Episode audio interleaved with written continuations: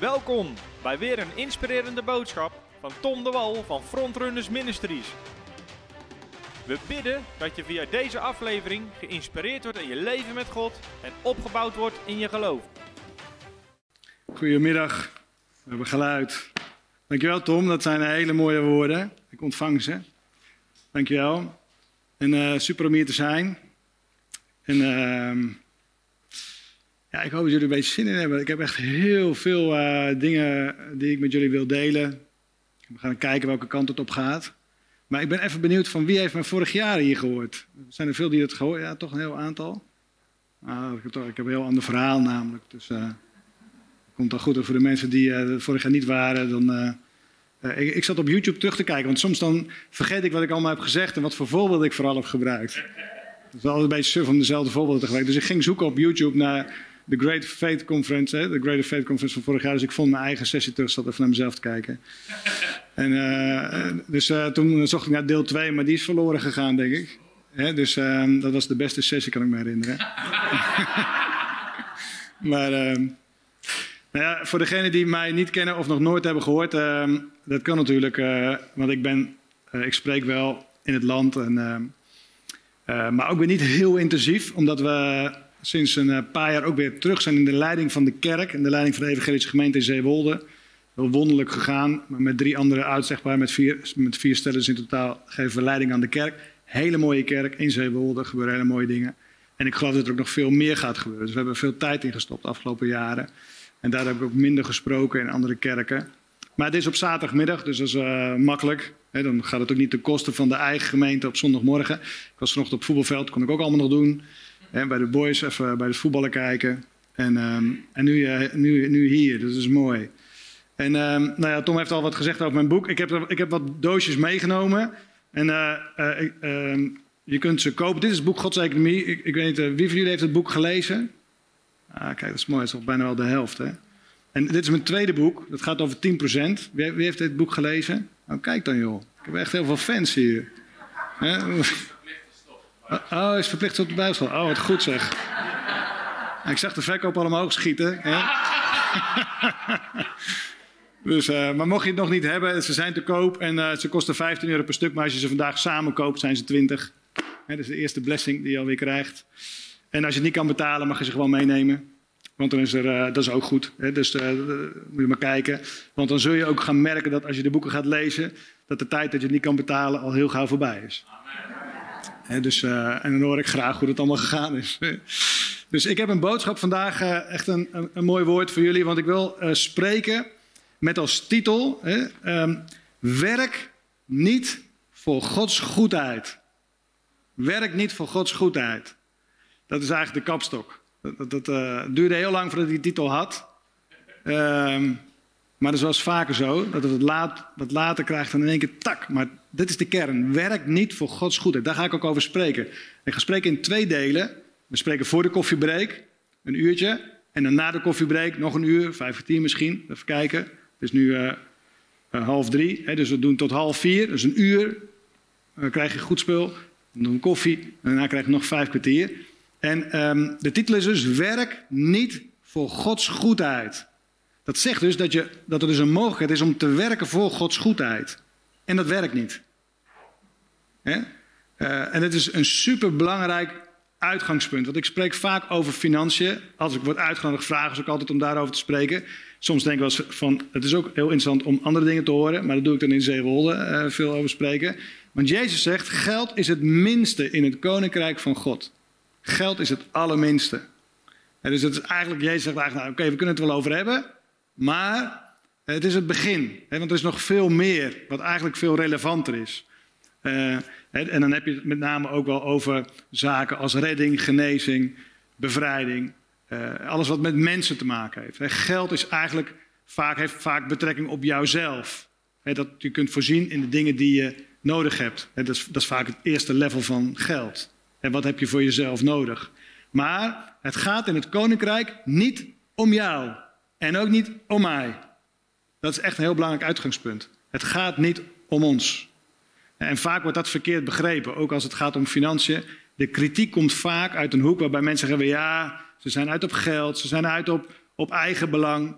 Hè, uh, uh, nou ja, er, er is, dat is gewoon eigenlijk een demonische geest die eigenlijk aanschopt tegen het evangelie van overvloed. Dat is echt het geval. En heel veel mensen hebben het helemaal niet in de gaten dat, dat, dat, dat dat aan de hand is.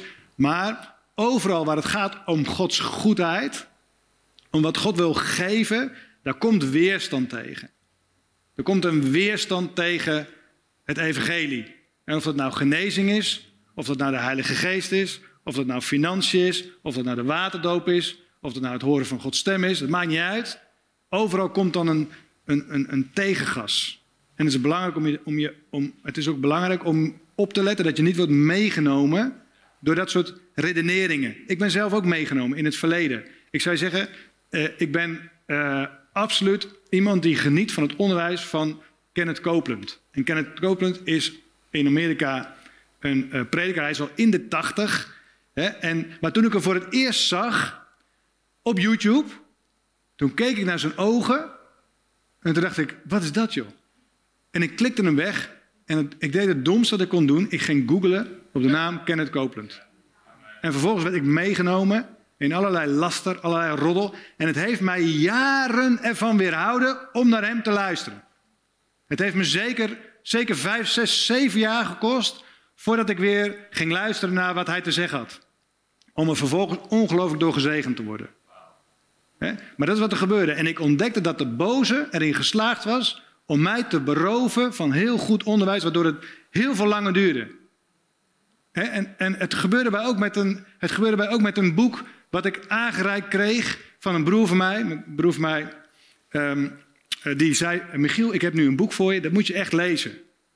Ik zeg, wat heb je dan? Hij zei, ik heb een boek van Jozef Prins, van uh, zijn eerste boek. Ik ben het even kwijt. Uh, nou, ik weet even niet meer hoe het heet. Hoe zeg je? Ja, die, ja, die, ja. Bestem, bestem, uh, ja, Destined to Reign. dus in het Engels was het toen nog. Um, hij zegt, dit boek moet je lezen, Michiel. Dus, maar wat, wat, er gebeurd was, ik, ik kom uit Grifmeerde hoek. Dus ik ben Grifmeerde jongen van huis uit. Ik kom uit Spakenburg, klein plaatsje, vissersdorp. 20.000 inwoners, heel veel kerken. Uh, allemaal gereformeerd. Er zat toen, in, toen ik opgroeide ook helemaal geen evangelische gemeente. Heel klein uh, Pinkstergemeentetje geloof ik. maar in elk geval allemaal gereformeerd en ik ook. En in die tijd lazen wij ook een Nederlands dagblad. Dat is een gereformeerde krant, nog steeds misschien wel, weet ik niet. In elk geval, en daar stond op een bepaald moment, toen ik zo rond uh, misschien 18, 19, 20 jaar was, stond er een artikel in over die Jozef Prins. En ik las dat artikel. Uh, want er was een hele ophef gaande dat het een dwaalleraar was. En dat hij goedkope genade bracht en al die dingen meer. En hij werd er eigenlijk neergezet als een dwaalleraar. En ik las dat. Maar goed, ik, ik kende er helemaal niet. Ik was helemaal niet met hem bezig. Maar wat er gebeurde, er werd een zaadje in mij geplant. Wat jaren later opkwam. Toen ik dat boek aangereikt kreeg van mijn broer. En die zei, dit moet je lezen. Ik zag de naam en flits. Dat artikel kwam zo op mijn netvlies. Ik dacht, ja, maar die man die deugt niet. Dat was de eerste gedachte die ik had. Die man die deugt niet. En vervolgens zei, zei, zei, mijn broer, ik weet, ik weet dat er kritiek op is. Ik weet wat ze over hem zeggen. Ik weet wat ze over hem schrijven. Maar ik heb het boek gelezen. Probeer al je oordelen aan de kant te zetten. En probeer te lezen wat hij schrijft. En probeer gewoon naar het woord te gaan. En te kijken of het waar is wat hij zegt. Het kostte me de grootste moeite om dat boek te lezen. Want bij elke bladzijde hoorde ik die stem in mijn achterhoofd. Die man deugt niet. Het is een dwaalleraar. Het is fout. Het klopt niet. En dus, dus ik las het boek en ik had te dealen met, met die stemmen. Uh, om vervolgens het boek te lezen, ik was onder de indruk. Ik dacht, wauw, het heeft me echt gezegend. Het heeft me echt verder gebracht. En ik heb ontdekt dat als het gaat om het woord van God, dat het woord van God ligt onder vuur. Het woord van God ligt onder vuur. Ik ga het ook bewijzen uit Lucas. Moet ik even kijken of ik het snel kan vinden. Lucas, de gelijkenis van de zaaier. Degene die het eerder heeft mag zeggen. Ik denk acht of zo. Negen. Op koken, ja. Meer nog misschien. Het is altijd lastig met die, uh, met die evangelie. Hè? Dan ga je die hoofdstukken door elkaar halen. Ik denk dat het eerder is. Misschien vier of zo. Oh nee, hier. Acht. Toch acht. Nee, gewoon. Maar goed. Top. Lucas 8, de zaaier. We gaan het niet helemaal lezen, maar het gaat me eigenlijk om het volgende. Jezus brengt een gelijkenis over het woord van God. Hij zegt, het woord van God is als zaad. En de zaaier neemt het zaad en hij zaait het zaad. En dan komt het in vier verschillende soorten grond. En dan, en dan gaat, uh, gaat het verhaal verder. En dan gaat op een bepaald moment ook Jezus uitleggen wat de gelijkenis betekent in vers 11. En dan zegt hij: Dit is de gelijkenis. Het zaad is het woord van God. En wat is er met het eerste zaad gebeurd? Dat lezen we in vers 5. Een zaaier ging erop uit om zijn zaad te zaaien. En toen hij zaaide, viel het ene deel langs de weg. En het werd vertrapt en de vogels in de lucht aten het op. deel 1. Dus de vogels in de lucht aten het zaad op. En dan gaat Jezus uitleggen wat dat betekent. In vers 12. Zij bij wie langs de weg gezaaid wordt, zijn zij die het horen. Maar daarna komt de duivel en neemt het woord uit hun hart weg. Opdat ze niet geloven en zalig worden. Opdat ze niet geloven en zalig worden. Opdat ze niet geloven en zalig worden. Opdat ze niet geloven. Hoe komt geloof? Door het woord van God. Hoe haal je geloof weg? Door het woord weg te nemen. Opdat ze niet geloven. Dat staat er. De boze komt om het woord te roven. Opdat ze niet geloven. En wat is het effect als je niet gelooft? Opdat ze niet geloven en zalig worden. Het woordje zalig betekent um, redding. En in het woordje zalig, daar zit alles in verpakt. Daar zit de wedergeboorte in, daar zit de genezing in, daar zit de bevrijding in en daar zit ook de overvloed en de voorziening in. En de boze weet maar al te goed wat hij moet doen om die zegen te roven. Want hij weet, als ik het woord roof, dan roof ik ook de, de, de redding. En soms is het misschien maar een onderdeeltje wat hij probeert te roven. En soms lukt het hem om alles te roven. Er staat in Johannes 10, de boze komt om te roven, te stelen en te vernietigen. Maar ik ben gekomen, zegt Jezus, om leven te geven en dat leven in overvloed. Dat is wat Jezus wil. Jezus wil dat wij het leven pakken in zijn volheid. Het woordje zo, zo wat daar wordt gebruikt. Ik ben gekomen om leven te geven. Ik ben gekomen om zo, zo te geven. Ik ben gekomen om goddelijk leven te geven. Dat wil ik je geven, zegt Jezus. De full package wil ik je geven. Maar de boze is er alleen maar op uit om het leven wat ik, wat ik je wil komen geven, om dat te roven. Het is een sloper, het is een crimineel. Dat is gewoon, je moet hem, je moet hem, je moet hem, met, je moet hem, je moet hem bij zijn kraag grijpen en je huis uitgooien. Je moet er geen toegang geven. En als je ontdekt dat je erin bent getrapt, wat, ik dus was, wat mij dus gebeurde. Hè, ik werd meegesleept door Google over een spreker, waardoor ik vijf, zes, zeven jaar niet naar die man heb geluisterd. Om er daarna achter te komen wat een ongelooflijk instrument die man is in het koninkrijk van God. Maar ook hoe ongelooflijk veel hij wordt aangevallen. Niet normaal. Ik ben een heel aantal keren naar hem toe gereisd om te zitten eh, in de zaal waar hij sprak om me te laten vullen met wijsheid. Uh, ik heb hem nooit, nooit uh, één op één ontmoet. Maar ik ben enorm gezegend door zijn wijsheid en door hetgeen uh, wat, hij, wat hij vertelt. En het gaat me niet om hem, maar het gaat me erom dat mensen die het woord van God krachtig preken, die komen onder druk, die komen onder vervolging. het is mooi wat Tom zei, van ik, ik spreek nu een jaar of vier of zo over Gods economie in Nederland. Um, en ik heb inderdaad relatief weinig, weinig, ja, het interesseert me ook eigenlijk niks, moet ik heel eerlijk zeggen. ik, heb, ik weet wel dat mensen niks vinden of mijn boek niet lezen of misschien over praten, maar het maakt mij helemaal niks uit. want uh, sterker nog, dan moeten ze zelf eten. uh, en dat is een voordeel, omdat ik gewoon daar ook niet, ja, ik, ik kom het minder tegen. want ik ben ondernemer en mijn hele boek staat vol met verhaaltjes. Dat is het grappige van het boek. Eigenlijk mijn vader die las het boek, die zei, Michiel, het lijkt wel een, biografie, je, maar, maar, de verhalen, de, getuigenissen, is het meest krachtige. dus want mensen kunnen zeggen, het werkt niet. Zeggen, ja joh, weet je, wat is dat nou voor flauwekul, joh, het werkt niet. Weet je, van, van het werkt, ik, lees mijn boek, lees de verhalen. Dan kun je zien dat het gewoon wel werkt. het, is, het, is, gewoon, het is gewoon uh, uh, onderdeel van, van wie God is. Nou, dit was een hele lange inleiding, maar we gaan terug, want ik heb wel degelijk aantekeningen ook gemaakt. dat je niet denkt van, nou, die Koelewijn die is gekomen en die, die, die praat maar wat los. Wat ik wel doe. dus uh, wie weet nog wat de titel was van de boodschap? Dat is mooi, hè? woorden vervliegen zo snel. Hè?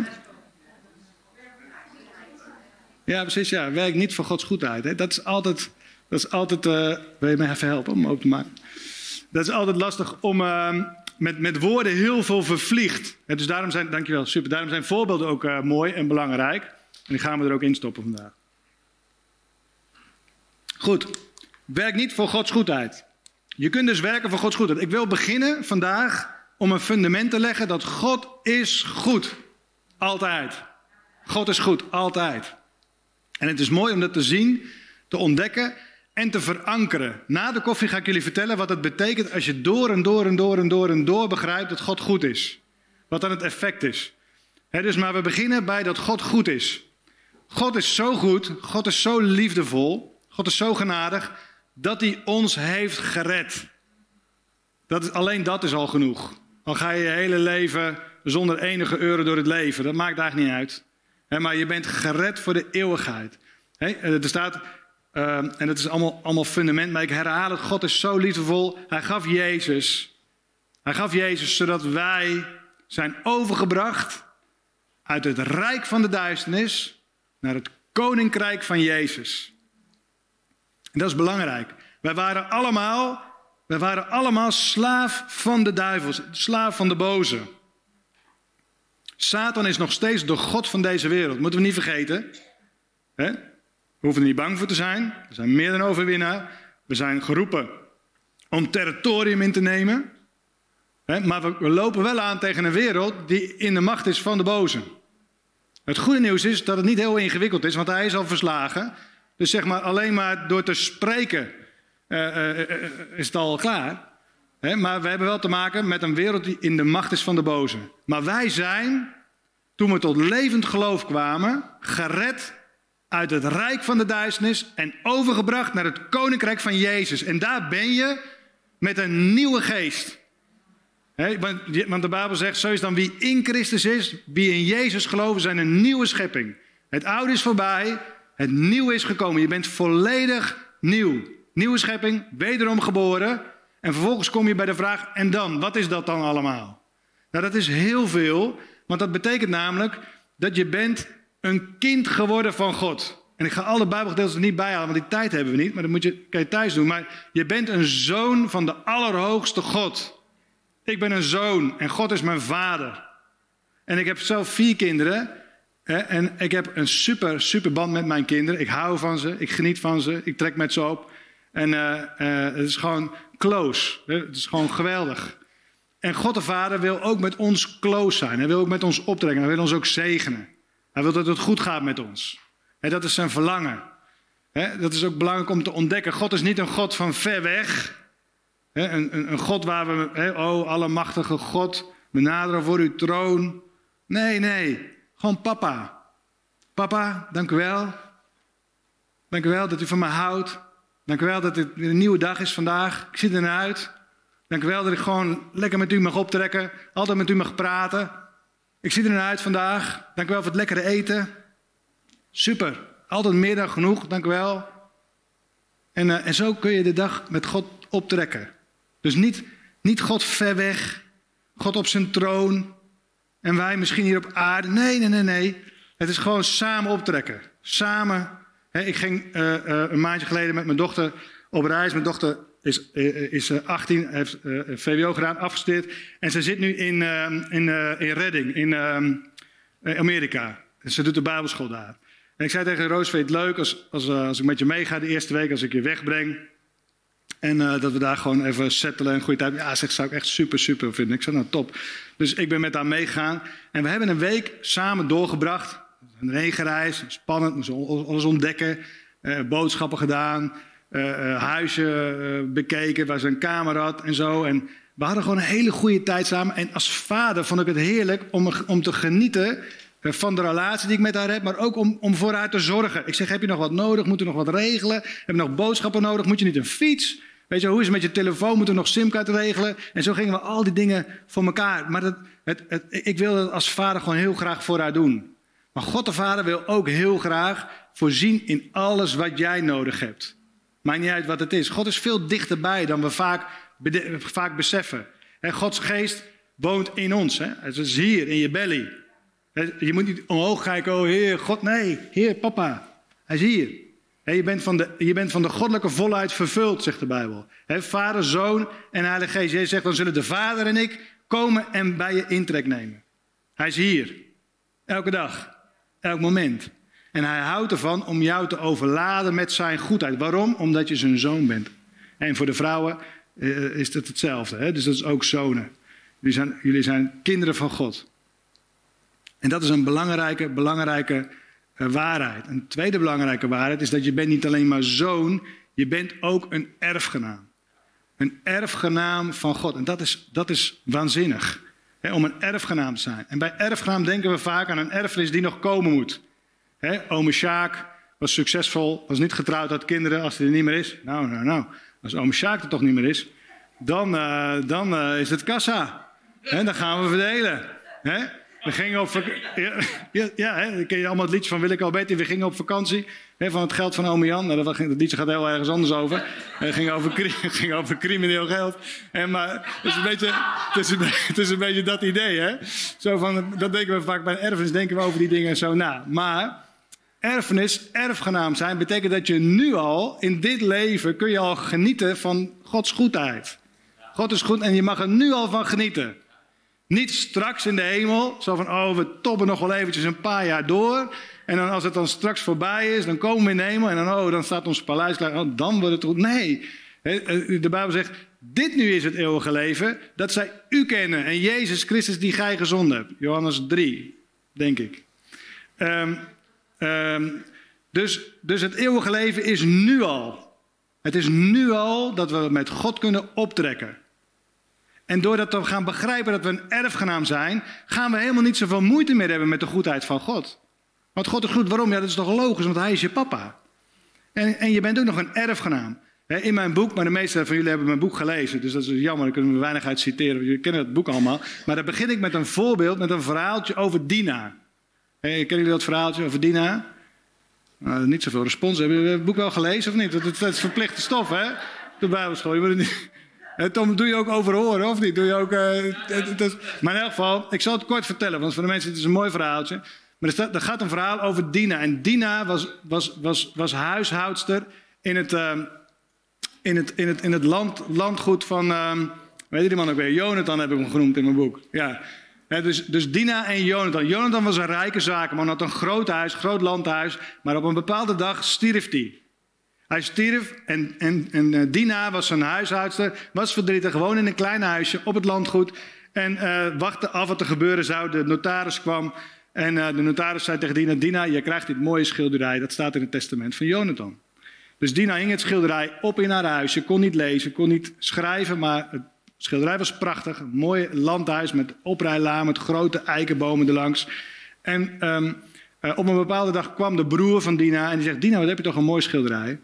Ja, zegt Dina, die heb ik van Jonathan gehad. Hij is er niet meer. Ik snap er eigenlijk niks van, want uh, hij is overleden. Er is niks meer gebeurd in dat landhuis. Het is niet verkocht. Er zijn geen andere mensen gekomen. Ik begrijp niet. Maar elke dag kijk ik naar het schilderij. En vervolgens zei de broer, laat me eens lezen wat erbij staat. Hij las het onderschrift en hij zei, Dina, weet je wel wat er, wat daar staat? Nee, zegt Dina, want ik kan niet lezen. En toen, en toen las de broer het voor en de broer zei van, Dina, je was als een dochter voor mij. Ik ben er nu niet meer, maar met dit schilderij laat ik jou mijn hele landgoed en mijn hele erfenis ik je na. Dus Dina was de erfgenaam van Jonathan, alleen ze wist het niet. En omdat ze het niet wist, leefde ze er niet naar. Want ze leefde nog steeds in dat kleine huisje. He, vroeg ze nog steeds of hoe het allemaal verder zou gaan.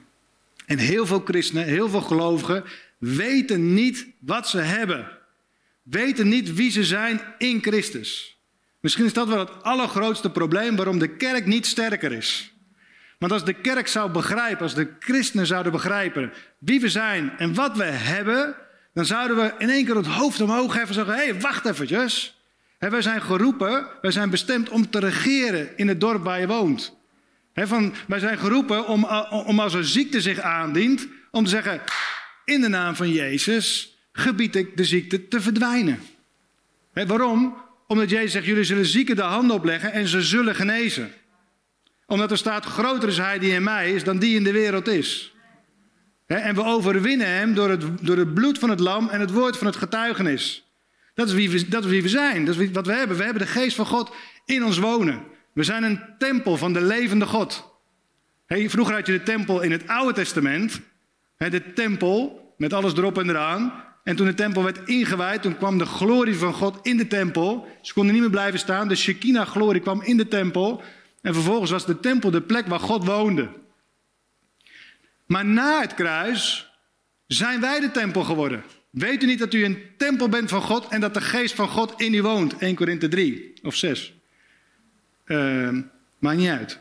En vervolgens, hè, je kunt het daar vinden. Nou, de, dus je bent een tempel van de levende God en de geest van God woont in jou. En de Bijbel zegt, en ik ga ook niet meer weg. I will never leave you nor forsake you. Hè? Er staat in de Bijbel van, um, um, laat uw handelswijze niet met winstbejag zijn. En staat er dan, en staat er daarna, want hij heeft zelf gezegd: Ik zal u niet verlaten. Ik zal u niet laten zitten en ik zal u niet verlaten. De Heilige Geest gaat niet weg. Soms wordt het wel eens zo uh, gebracht, hè? Alsof, zeg maar, de, alsof je een soort ballonnetje bent. Ik heb dat vroeger ook wel gehoord. En dan is de ballon, en dan, en dan langzaam maar zeker, dan stroomt de ballon leeg. En dan gaat de geest van God gaat uit je weg. En dan moet je weer ergens heen om weer opnieuw gevuld te worden. Vullen, vullen, vullen, vullen, vullen. En dan komt er de Heilige Geest in en dan ben je er weer. Maar dat is niet zo, want hij is nooit weggegaan. Er staat, ik ga je nooit verlaten. Wat er wel gebeurt is dat jij je helemaal niet bewust bent van de tegenwoordigheid van de Heilige Geest. En als je niet bewust bent van de tegenwoordigheid van de Heilige Geest, gebruik je die ook niet. Ik verkocht mijn auto uh, vier weken geleden. Mooi verhaal. Dus ik verkocht mijn auto, komt iemand, ik zal van een heel lang verhaal kort verhaal maken. En uh, uh, ik heb die onderhandeling gedaan met die man over mijn auto. En dat is goed gelukt, want ik ben een inkoper. Hè. Ik heb een inkoopbedrijf, dus we kunnen goed inkopen. En maar als je goed kan inkopen, kun je goed verkopen. Want dan weet je hoe een inkoper denkt.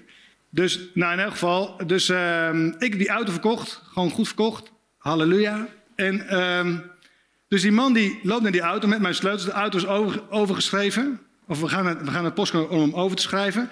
Ik rijd met hem mee, we stappen uit. Hij doet die deur dicht en drukt met zijn vinger zo tegen het handvat aan. En die auto doet blip. Alles dicht, op slot. Dus ik sta te kijken. Ik heb vijf en half jaar die auto gehad. Ik zeg, uh, ik, zeg wat, ik zeg, wat doe je nou? Hij zegt, nou, zegt hij, als je op dit knopje drukt, dan hoef je niet de sleutel te gebruiken. Dus ik dacht, dan heb ik vijf en half jaar die auto. en heb ik niet geweten dat er een knopje op zat. Kijk, ik wist, wel dat, ik wist wel dat ik een sleutel had. En dat als ik dan aankom lopen naar mijn auto, dan kon ik zo de deur open doen. Dan had ik mijn sleutel niet nodig. Dat noem je keyless entry. Dat, zover was ik gekomen. Dus ik gebruikte dat al wel. Maar ik wist niet dat je dus ook gewoon, als je uitstapt, ook helemaal die sleutel niet nodig hebt. Je moest gewoon zo doen. Plup, en dan loop je gewoon weg. Nou, dus ik, ik had iets, maar ik wist het niet. Kan je zeggen, ja, hoe onnozel voorbeeld is dat? maar met, met het geloof is het hetzelfde. Er zijn heel veel dingen in het, in, in, het leven van een christen waarvan je helemaal niet weet dat je het al hebt. Je hebt het al. Het, het is er al. Je kunt het al. En het gaat eigenlijk om alles. Het gaat ook over. Het, kijk, als het gaat over het verstaan van Gods stem, een van de belangrijkste dingen hè, om ook te ontwikkelen in het leven van een christen, is dat God spreekt de hele tijd al tegen je. Alleen je kon het niet horen van het, je zat op de verkeerde golflengte. Je had niet ontdekt hoe die stem klinkt. En als je hem eenmaal leert ontdekken, dan zeg je: Oh, wacht even. Oh, maar toen en toen en toen. Oh ja, toen, toen, toen, toen.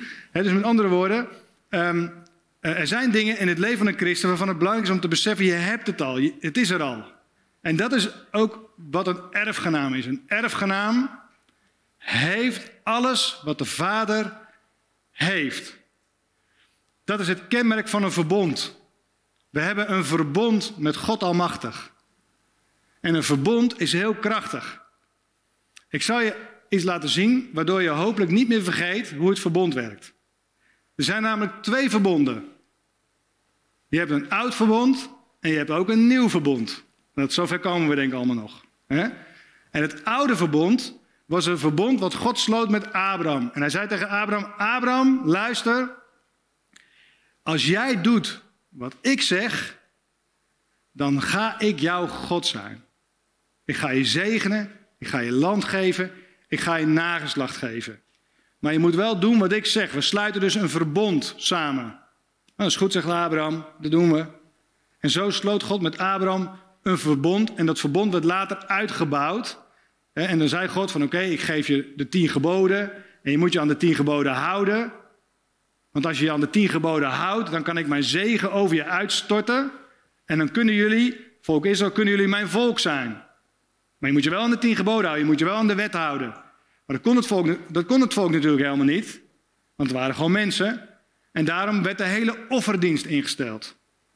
dus op het moment dat zeg maar, het volk Israël of een individu in zonde viel, dus zich niet hield aan de afspraak, was niet het verbond gelijk verbroken. Nee, dan was er een oplossing. En de oplossing was een koe of een kalf of, of, een schaap of een geit. Ik, ik, ben nooit zo goed in al die Leviticus uh, hoofdstukken. Uh, hoe het allemaal zit met duiven en heel gruwelijk allemaal. Ik denk anders was ik wel slager geworden als ik dat zou, uh, zou onthouden. Maar in elk geval. Uh, en dat beest werd geslacht. En vervolgens werd het, vervolgens werd het bloed vergoten. Zodat de zondaar vrij uitging. Dat klopt hè? Nou, dat is het oude verbond. Het oude verbond is dus voorwaardelijk. Jij moet je wel aan de afspraken houden. Je moet ervoor werken. Je moet er hard voor werken om je aan de geboden te houden. En als je je niet aan de geboden van God houdt, dan kan de zegen niet doorbreken. En die mindset, die is er in de kerk nog steeds. Je moet wel heel goed bidden, je moet wel heel goed vasten, je moet wel heel goed stille tijd houden, je moet je wel heel goed gedragen, want anders dan blokkeer je de zegen van God. Dan kan de zegen van God niet meer stromen. Hè? Uh, uh, en er is wel wat meer over te zeggen, hè? maar uh, even om het zwart-wit neer te zetten, want ik wil mijn punt maken, is dat zeg maar er een nieuw verbond is. En ik heb twee vrijwilligers nodig om even iets uit te beelden, waardoor je het niet meer vergeet. Want dan vraag aan het eind, waar ging het over? Ja, ik weet niet precies. Iets over verbond. dus ik zoek even twee, um, twee vrijwilligers. Niet allemaal tegelijk. Ja, één en nu nog eentje. Ja, kom erbij. Nou, helemaal goed. Geef ze even applaus. Altijd spannend natuurlijk, hè? Oké. Het nieuwe verbond, het nieuwe verbond gaat ook tussen ons en God. Dus Abraham had een verbond met God. Dus zeg maar even zo. Abraham had een verbond met God. Hou, hou me maar vast zo. Dit was het verbond tussen God en Abraham. Dit is God. Hij dus. En ik ben Abraham. Ja? Maar Abraham, Abraham was Abraham en Abraham was ook niet helemaal optimaal. Dus Abraham, uh, die vertegenwoordigde het volk Israël. En het volk Israël had er ook wel een handje van om dan af en toe gewoon zich af te wenden van God. Daar gaat het hele Oude Testament over, hè? dat het volk Israël ging zijn eigen weg. Jezaja zegt, ze dwaalden allemaal als schapen. Iedereen ging zijn eigen weg. En, hè? Dat kennen we, hè? Jezaja 53. Nou, dus met andere woorden, het verbond wat God sloot met Abraham was wel een beetje een beetje gevoelig verbond. Waarom? Omdat de mens gewoon de mens was. De mens, de mens zoals die geschapen was, was niet in staat om dit verbond gewoon te houden. God wel, maar de mens niet. Dus de mens die, die, die dwaalde en die gingen dan weer die kant op en dan maakten ze weer een gouden kalf en dan gingen ze weer mopperen en dan gingen ze weer klagen en zeiden ze ja, het beloofde land, we kunnen er niet binnen gaan, want er zijn allemaal reuzen. En we weten het allemaal niet. En huilen en jammeren en hoop gedoe. Hè? En vervolgens moesten ze weer 40 jaar in die woestijn. Waarom? Omdat dat verbond, dat, dat verbond, God wilde zijn verbond houden. En dat deed hij ook. Hij was liefdevol. Elke keer kwam hij om de hoek. En dan zei hij tegen het volk ik heb jullie gehoord in Egypte. Ik heb gehoord dat jullie nu al 400 jaar daar zitten. En omwille van mijn verbond met Abraham kom ik. Ik kom eraan via Mozes. Ik kom eraan. En dan zijn ze bevrijd uit Egypte met allemaal uh, toeters en bellen, wonderen en tekenen. Helemaal door de, met goud overladen. Wonder naar wonder naar wonder, vuurkolom, wolkolom en alles meer. En vervolgens dan, dan staan ze daar bij het beloofde land en dan begint het gedoe weer. He? En zeggen ze, ja, we waren maar in Egypte gebleven. Waren er niet genoeg graven in Egypte? He? En mijn zeuren en mijn zaniken. Maar wij doen hetzelfde.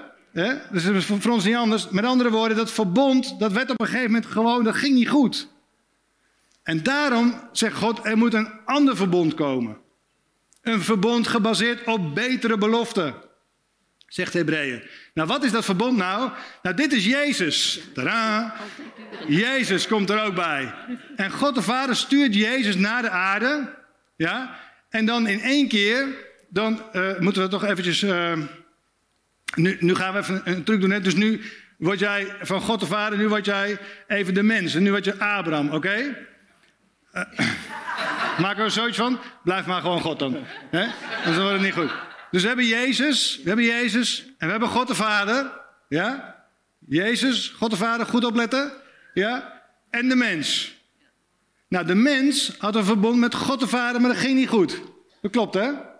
Maar nu komt Jezus op het toneel. En Jezus komt naar de aarde in de gedaante als een mens. Ja, om te sterven aan een kruis. En wat gebeurt er vervolgens? Er ontstond, zeg maar, en er ontstaat een nieuw verbond. Ik zal een nieuw verbond sluiten met het huis van Israël. Waar is Israël dan? Nou, de Bijbel zegt: iedereen die gelooft in Jezus Christus, ja, wordt een nieuwe schepping en wordt onderdeel van dat nieuwe verbond. We gaan dat nieuwe verbond binnen. Het nieuwe verbond van God gaan we binnen door geloof in Jezus. Dus als ik als mens geloof in Jezus, wat gebeurt er dan? Dan kom ik in dat verbond. Ik zit erin.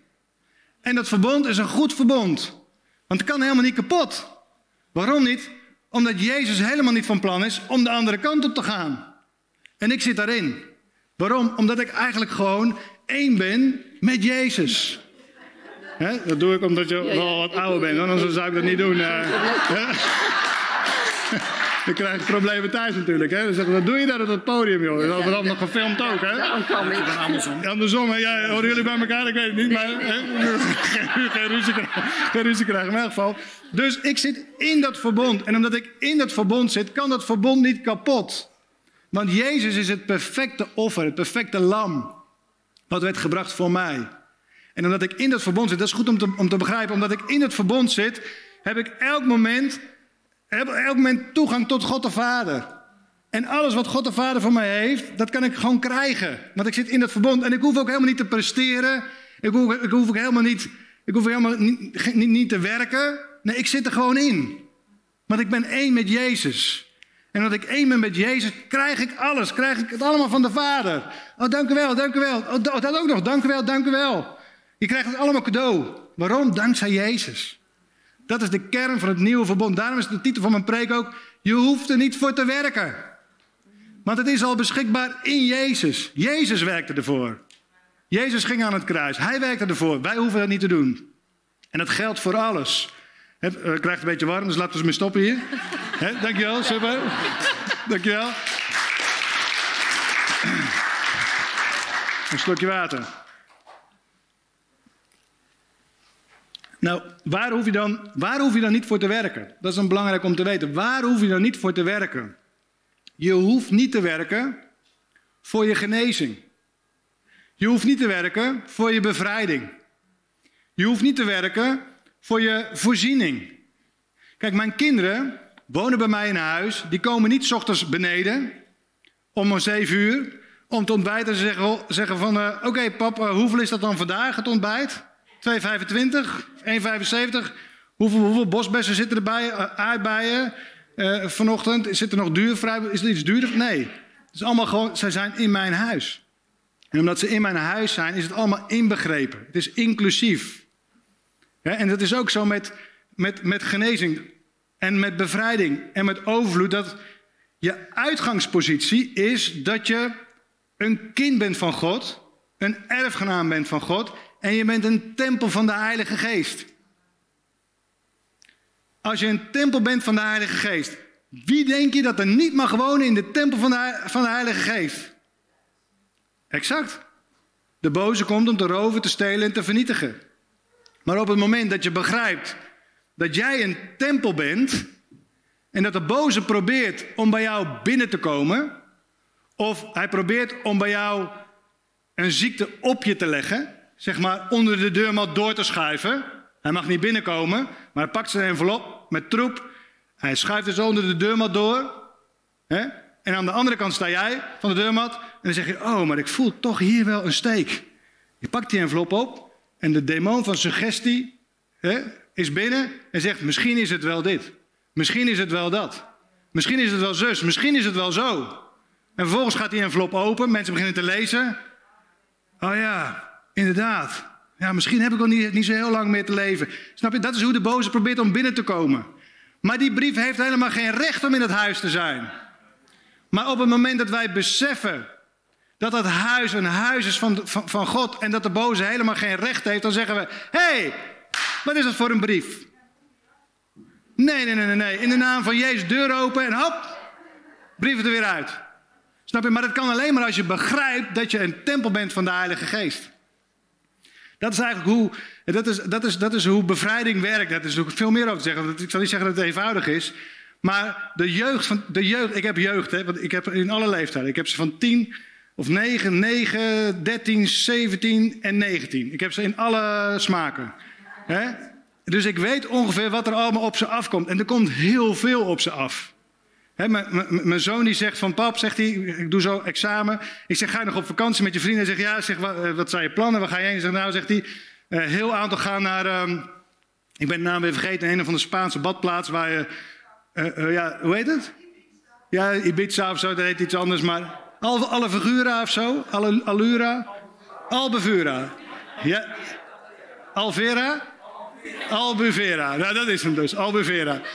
Dus, dus hij zegt, mijn vrienden allemaal naar Albuvera. Ik zeg, wat is er in Albuvera? Hij zegt, nou, zegt hij, dus gewoon, dus gewoon s'avonds gewoon feesten en dan uh, een huis huren met de zwembad. Overdag bijkomen aan het strand liggen en s'avonds weer feesten. Ik zeg, ik zeg oké, okay, wat denk je dat ze gaan doen? Hij zegt, ja, veel drinken. Uh, ik zeg, ja, ik zeg, die filmpjes heb ik wel eens gezien van hoe het er aan toe gaat. Ik zeg, maar wat, wat ben je? Hij zegt, ik ga er niet naartoe, zegt hij. Hij zegt, ik wil mezelf ook beschermen. Ik zeg, nou, dat is, snap ik. Ik zeg, wat ga je dan? Hij zegt, ik denk dat ik gewoon ga liften of zo door Europa een goede vriend. Nou, ook leuk. dus, maar wat ik mee wil zeggen is van, het dient zich van alles aan in de wereld. op het gebied van, op het gebied van, van, van, van seks, van drank, van, van verleiding en noem allemaal maar op. en de boze probeert, probeert om gewoon te roven. Hij wil gewoon de kinderen van God roven. Des te eerder, des te beter. En wij moeten leren dat zeg maar, er een strijd gaande is. Niet wat we zien, want we zien het niet, maar er is een strijd gaande tussen het koninkrijk van Jezus en het rijk van de duisternis. Het goede nieuws, hij heeft overwonnen. Maar op het moment dat we toegeven en hem binnenlaten, maakt niet uit op wat voor manier dan ook, hè, dan, dan is het als het ware dat je de deur open doet van je, van je, van je tempeltje. En je zegt, nou, kom er maar in. Laten we maar eens even kijken. Misschien kunnen we even kennis maken, even een kopje koffie drinken. En vervolgens begint het gedoe. dus het begint ermee dat je beseft, je bent een tempel. En als je een tempel bent, als je beseft wie je bent, groter is hij die in jou is, dan die in de wereld is dan kun je al weerstand bieden. De Bijbel zegt, bied weerstand tegen de duivel en hij zal van u wegvluchten. En wat heeft het nou allemaal met geld te maken, weet ik ook niet. Maar uh, het gaat erom dat zeg maar, uh, we nog steeds een fundament aan het slaan zijn. Een fundament dat God goed is. Want hij heeft je gekocht, hij heeft je betaald, hij heeft je gered. Hij heeft je bevrijd uit het rijk van de duisternis. Maar hij heeft je ook overladen met goede dingen. Oh ja? Ja. Waar heeft hij, wat heeft hij je dan gegeven? Nou, hij geeft je onder andere de zegen die hij ook gaf aan Abraham. De zegen van Abraham. Laten we kijken in de Bijbel, anders dan zeg je misschien dat heeft hij weinig zijn Bijbel open gedaan. Wat niet zo is, maar het geeft niet. Gelaten 3.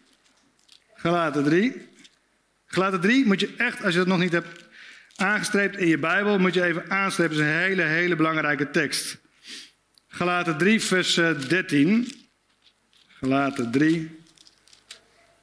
Gelaten, 3, vers 13. Christus heeft ons vrijgekocht, Jezus heeft ons vrijgekocht van de vloek van de wet, door voor ons een vloek te worden. Wat is de vloek van de wet? De vloek van de wet is dat er staat, als je niet doet wat ik zeg, dan komt de vloek over je. Deuteronomium. En er staat er, als je je houdt aan alle geboden die ik je vandaag geef, dan zullen de volgende zegeningen over je komen. Maar als je het niet doet, als je je niet houdt aan de, aan de dingen die ik zeg, dan komt er vloek. En er staat ook heel erg uitgebreid beschreven wat die vloek is. Dus je hebt zegen en je hebt vloek. Je hebt twee opties. Zegen en vloek. Het volk Israël, wist, als we ons houden aan de wet, zitten we onder de zegen. Als we ons niet houden aan de wet, zitten we onder de vloek. En nu staat er dat die opties, die zijn er niet meer. Er is nog maar één optie over. Want er staat, Christus heeft ons vrijgekocht van de vloek van de wet, door voor ons een vloek te worden. Dus wat blijft er over als je twee opties hebt en er valt er één af? Nee. Hou je alleen de zegen over. Dus Jezus heeft ons vrijgekocht van de vloek, zodat wij alleen nog maar zegen ontvangen. Dat staat er ook. Want er staat geschreven, vervloekt die aan de huid hangt. En dan komt het, opdat de zegen van Abraham in Christus Jezus tot de heidenen zou komen. Dus wij krijgen de zegen van Abraham door geloof in Jezus. Wij zijn eigenlijk, zeg maar, wij, ik denk niet dat er hier veel Joden in de zaal zitten. Als je niet zeker weet, moet je even naar het toilet gaan om te kijken. Maar, hè, maar ik denk dat het gewoon me, meestal, meestal zijn die niet Joden. Dus wat hier staat is dat de zegen van Abraham is voor de heidenen. Wij zijn de heidenen, zeg maar. Hè? In die tijd had je Joden en de heidenen. De Joden zaten al in het verbond. Die zaten al in het verbond, de heidenen niet. Wij zaten ook niet in het verbond. En omdat we niet in het verbond zaten, zaten we ook niet in de blessing. Maar het goede nieuws is, en dat is het evangelie, Jezus kwam zodat wij onderdeel zijn geworden van het huisgezin van God. Wij zijn nu onderdeel van de zegen.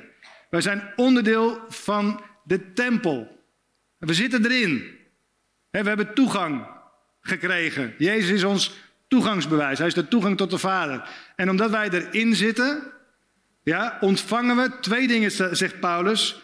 Uh, hij zegt, we krijgen de zegen van Abraham en we krijgen de belofte van de Heilige Geest. Nou, de belofte van de Heilige Geest, daar hebben we het net al een beetje over gehad. Dat is super, super kostbaar. Gods Geest komt in ons wonen.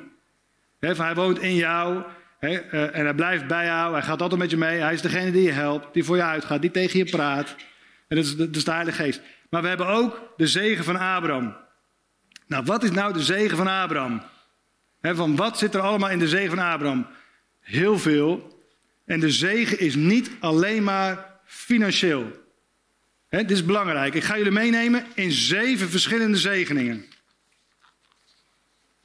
Zeven en misschien krijg je nog wel een toegift, dat is acht. Maar het ligt eraan. Want ik zag sommige mensen gapen. Oh, ik snap ik hoor. We moeten straks lekker bakje doen. Maar in ieder geval, blijf nog even bij de les. Want we hebben zeven zegeningen. De eerste is geestelijke voorspoed. Daar hebben we het net over gehad. Geestelijke voorspoed is dat je wederom geboren bent. Je bent een kind van God geworden. Je hebt intimiteit met God. Dat is geestelijke voorspoed. De tweede is emotionele voorspoed. En wat is emotionele voorspoed? We leven in een land waarbij, waarbij heel veel mensen antidepressiva slikken. Depressief, problemen. Er zijn mensen met huwelijksproblemen. Er zijn mensen met zelfmoordgedachten. Er zijn allerlei vormen van emotionele pijn. En het is vaak heel dichtbij. Misschien heb je het zelf wel, misschien is het in je omgeving. En dat is emotionele verwonding. Maar Jezus ging aan het kruis ook voor onze emotionele verwonding. Hij zegt: Ik wil je bevrijden. Ik wil je vrijmaken daarvan. Van die emotionele pijn. dus de, de, de voorspoed die er is, de overvloed, de zegen die er is, is niet alleen maar geestelijk, dat je wederom geboren bent. Oh, oh, oh stromen van levend water. Um, maar het is ook emotioneel. De derde is mentale voorspoed. Mentaal. Nou, wat is mentaal? Mentaal is bijvoorbeeld dat je, um, dat je, dat je openbaringskennis hebt. Dus dat je gewoon weet wat er, wat, er, wat er speelt of weet wat er moet gebeuren. dus, dus op mentaal vlak ben je gewoon alert. Maar het is ook zo dat je mentaal in staat bent om het woord van God tot je te nemen, te onthouden, te proclameren, te citeren. Sommige mensen zeggen van ja, eh, ik weet niet hoe jij het doet hoor, maar uh, uh, je kunt die teksten gewoon ehm, quoten. Dan zeg ik ja, dat kun jij ook. Je moet gewoon gaan doen. Hè, want mentaal ben je gewoon sterk. Hè, er zijn mensen in Nederland die hebben last van uh, vergeetachtigheid, dementie, Alzheimer. Hè, ook in mijn dichte omgeving heb ik mensen die dat hebben. Dat is ongelooflijk, ongelooflijk vreselijk, vind ik dat. Mensen die echt gewoon. Ik heb een goede vriend, was bankdirecteur. Uh, uh, zijn hele leven lang. Ging met pensioen en op een bepaald moment trad dat in. Met die vergeetachtigheid. Hij zit nu in een huis en als ik hem nu opzoek dan denk ik, jongen, jongen, hoe kan het? hoe is het mogelijk? En dat is mentaal, is die eigenlijk gewoon, heeft hij een deuk gekregen. Maar Jezus kwam ook voor onze mentale voorspoed. Een vierde, fysieke voorspoed. Dat betekent dat je bovennatuurlijke gezondheid hebt, dat je gewoon in gezondheid wandelt. Het is niet de bedoeling dat we, het is niet de bedoeling dat we zeg maar gebukt gaan onder ziekte. En ik weet dat er zoveel situaties zijn dat mensen ziek zijn. En, en, en, en het is een gevoelig onderwerp. Helemaal in een kerk. We zitten hier niet in een kerk, maar ik ben zelf een van de leiders van de kerk in Zeewolde.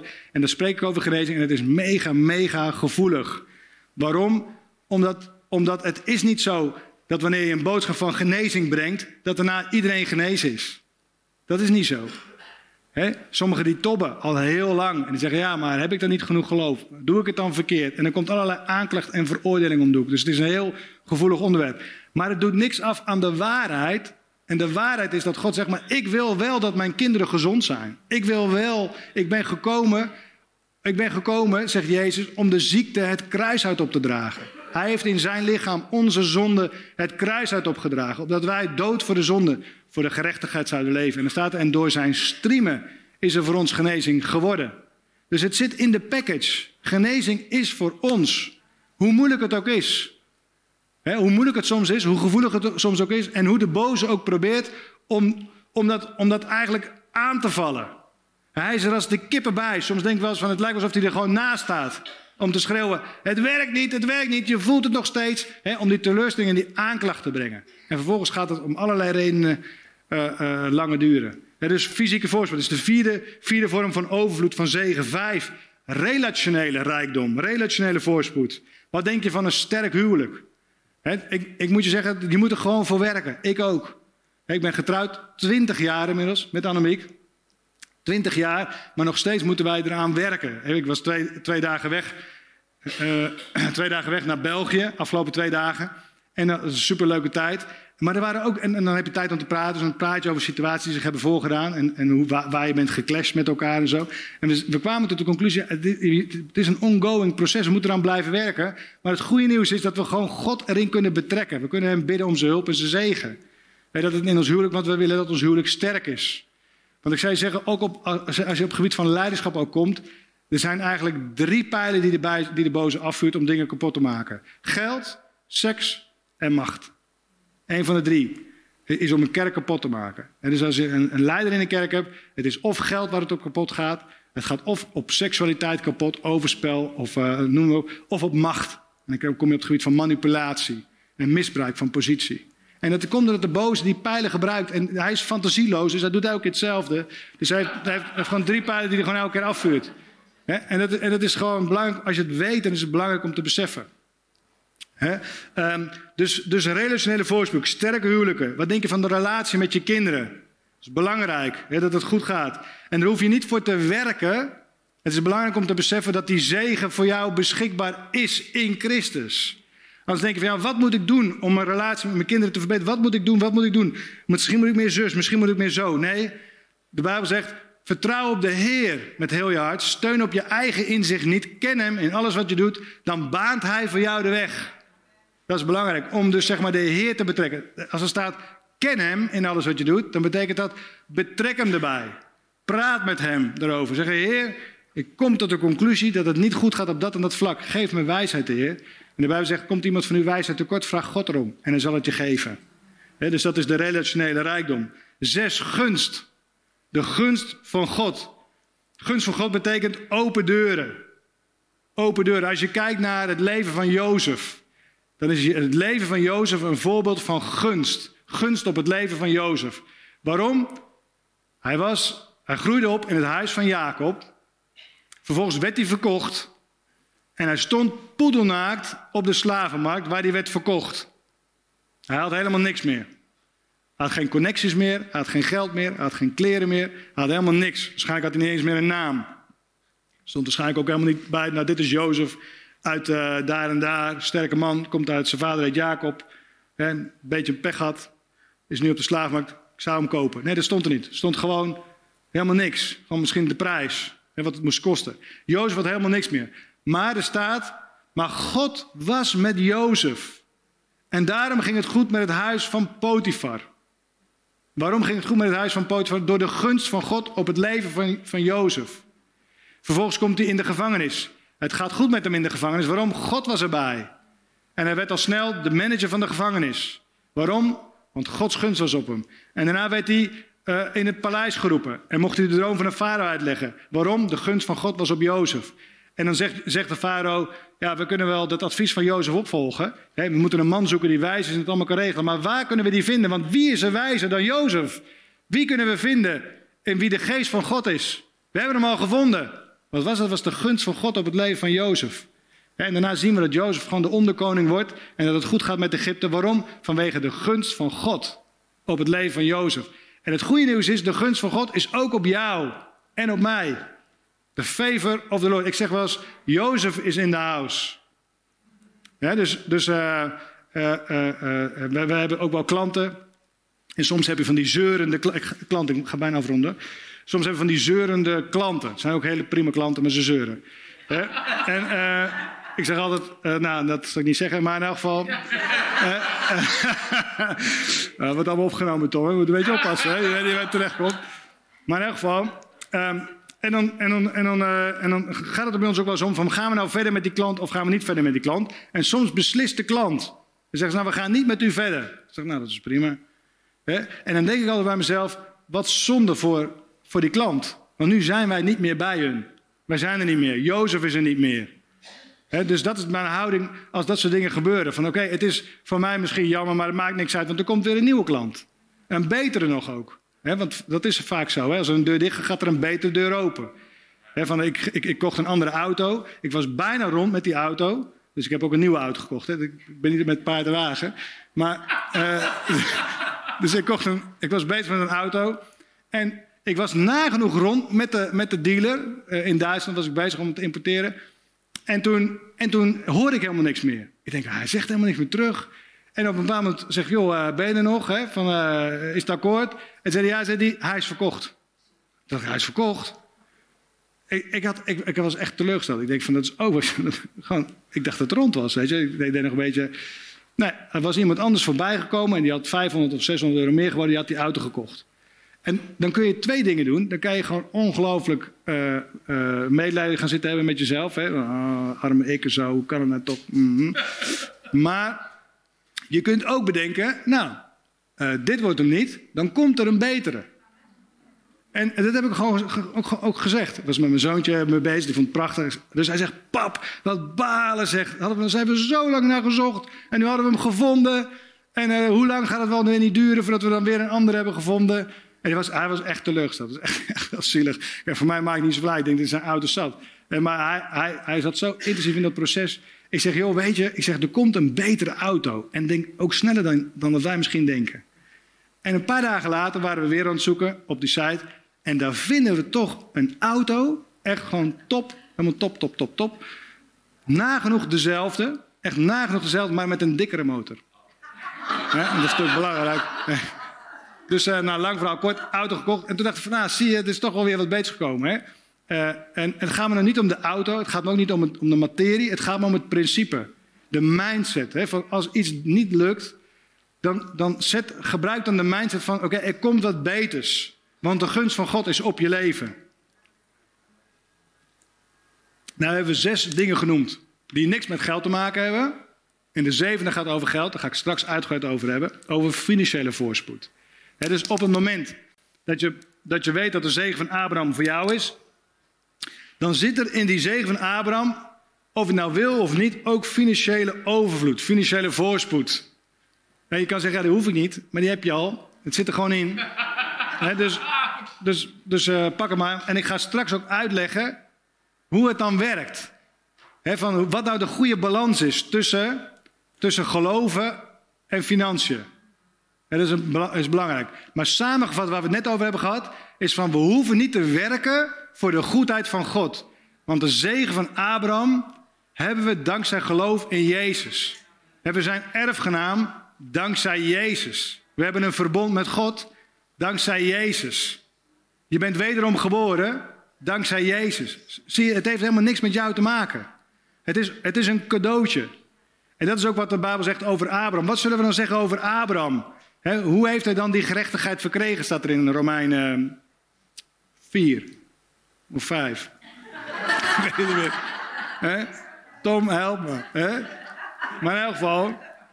ehm, en dan staat, en dan staat er, was dat omdat hij ervoor heeft gewerkt. Ik zal even bijpakken, het is een belangrijke tekst ook. Romeinen, Romeinen, Romeinen 4.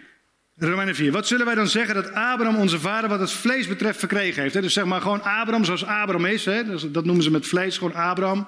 Niet geestelijk Abraham, nee, gewoon Abraham. Hoe, wat heeft Abraham gekregen? Immers, als Abraham uit werken gerechtvaardigd is, dus als Abraham door een inspanning te leveren gerechtvaardigd werd, gerechtvaardigd betekent dat je recht voor God staat, als je een relatie met God hebt. Als Abraham daarvoor gewerkt had, dan heeft hij iets om zich op te beroemen. Zegt hij, nou, dat heb ik toch wel goed gedaan. Ik heb eh, hard voor gewerkt en nu heb ik gewoon een lijntje met God. Want ik, Abraham, heb dit gedaan, dat gedaan, dat gedaan, dat gedaan en dat gedaan. En nu heb ik gewoon de jackpot, nu heb ik gewoon het certificaat van righteousness. Nu ben ik gewoon een, een rechtvaardige. Maar de Bijbel zegt, nee, zo werkte het niet bij Abraham. Want er staat, eh, Abraham geloofde God. En omdat Abraham geloofde, wat geloofde, God, wat geloofde Abraham? Abraham geloofde dat wat God zei waar was. En omdat Abraham dat geloofde, de Bijbel zegt, omdat Abraham geloofde en alleen maar geloofde, werd hij een rechtvaardige, kreeg hij een verbond met God. En God zegt van, ga naar het land wat ik, wat ik je wijzen zal. Doe dit, doe dat, doe zus, doe zo. En dan zegt Abraham, oké, hij gelooft God. En omdat hij gelooft, krijgt hij het allemaal. Dat is bij ons ook zo. Omdat wij geloven in Jezus Christus, krijgen wij de zegen van Abraham. Daar hoef je niet voor te werken. En dat is het fundament waarmee ik je lekker de pauze instuur. Dan gaan we straks verder op dat fundament. En dan komen we bij, uh, bij hele mooie principes. Wat je leven, als je het gaat doen, op zijn kop gaat zetten. Dat beloof ik je. Halleluja. Amen. Hallo, Tom de Wol hier en bedankt dat je weer geluisterd hebt naar onze podcast. Ik bid dat het je geloof gebouwd heeft en je bemoedigd bent. Als je niet alleen een luisteraar van onze boodschap wil zijn, maar ook een verspreider daarvan, wil ik je uitnodigen om partner te worden van Frontrunners. Door jouw maandelijkse donatie help je ons om dit evangelie van Jezus Christus en het woord van God over heel de aarde te brengen. Om partner te worden, ga naar www.frontrunnersministries.nl slash partners en word partner. Hartelijk bedankt en tot snel. Heb je ook zo genoten van deze inspirerende boodschap van Tom de Wal? Abonneer je dan op deze podcast. Volg ons op Facebook en op Instagram en kijk op onze website frontrunnersministries.nl.